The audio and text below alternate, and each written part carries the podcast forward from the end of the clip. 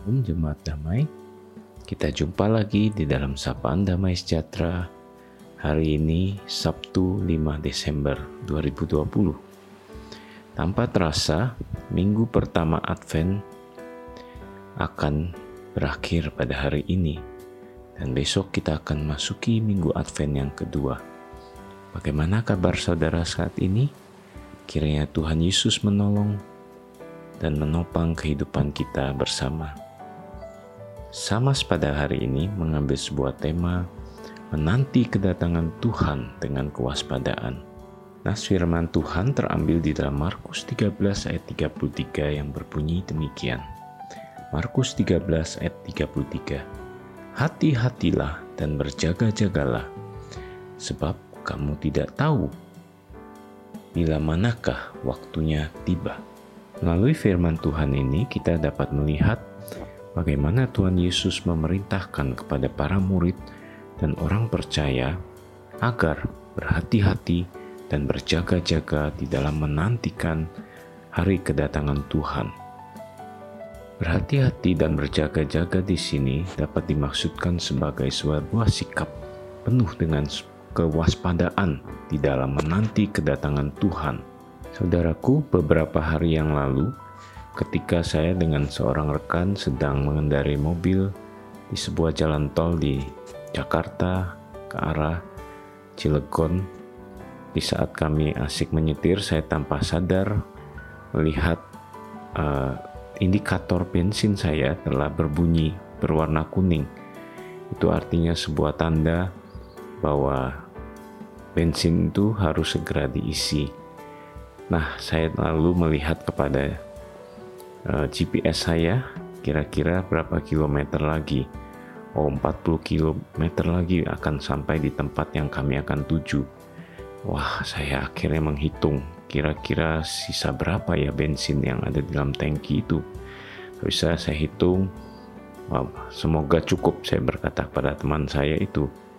Dan sambil saya menyetir, saya berhati-hati mengendarai kendaraan tidak dengan kecepatan yang uh, cepat agar bensin dapat digunakan dengan seefisien mungkin dan dengan penuh kewaspadaan dan melihat kepada jarak di depan saya mencoba melihat apakah ada tanda-tanda ada rest area sebelum kami mencapai pada titik yang akan kami tuju agar kami tidak terus penuh kewaspadaan untuk menyetir kendaraan mengendarai kendaraan tersebut. Dan akhirnya saya melihat sebuah tanda adanya rest area. Dan teman saya tadi kaget dan bertanya, loh kok Bapak bisa melihat dengan begitu jelas dari jauh? Ya iyalah saya bilang, kondisi dalam kondisi seperti ini, tentu saja saya penuh kewaspadaan mengendarai mobil dan juga dengan mata yang terus awas melihat tanda-tanda bila rest area akan ada di depan saya, sehingga kami bisa mengisi uh, bensin bagi kendaraan tersebut, dan akhirnya kami dapat mengendarainya dengan tenang. Saudaraku, tidak ada yang tahu bila mana Tuhan Yesus akan datang kembali, tetapi melalui firman Tuhan tadi, kita dapat menangkap sebuah pesan dari Tuhan bahwa Dia pasti akan datang kembali oleh karena itu, Yesus memerintahkan kepada para muridnya dan orang percaya untuk berhati-hati dan berjaga-jaga di dalam menantikan kedatangannya yang kali kedua, penuh dengan kewaspadaan. Nats firman Tuhan berikutnya terambil dalam 2 Petrus 3 ayat 10 sampai 11 yang berbunyi demikian. Tetapi hari Tuhan akan tiba seperti pencuri, pada hari itu langit akan lenyap dengan gemuruh yang dahsyat dan unsur-unsur dunia akan hangus dalam nyala api dan bumi dan segala yang ada di atasnya akan hilang lenyap. Jadi, jika segala sesuatu ini akan hancur secara demikian, betapa suci dan salehnya kamu harus hidup. Saudaraku, hari Tuhan itu pasti akan datang dan dia akan datang seperti pencuri tidak ada yang tahu. Oleh karena itu, kembali kita diingatkan, kita harus menantinya dengan penuh kewaspadaan, Dan tentu saja ada tanda-tanda yang akan menyertainya, seperti yang tertulis dalam firman Tuhan yang baru saja kita baca. Langit akan lenyap dengan gemuruh yang dahsyat, dan unsur dunia akan hangus dalam nyala api, dan bumi dan segala yang ada di atasnya akan hilang lenyap.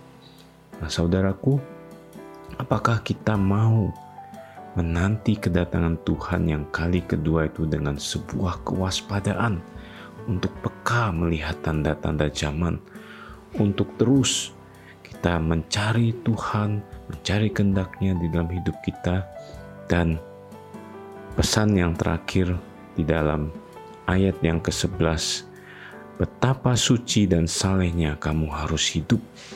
Itulah yang Tuhan kendaki, agar kita dalam kewaspadaan kita hidup dengan penuh kesucian, menjaga kekudusan hidup kita, hidup saleh di hadapannya, hidup melakukan kehendaknya di dalam hidup kita.